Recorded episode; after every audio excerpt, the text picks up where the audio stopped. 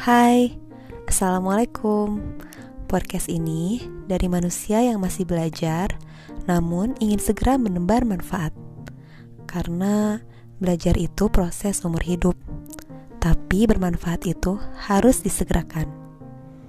Jadi perkenalkan Belajar bermanfaat Dari Farah.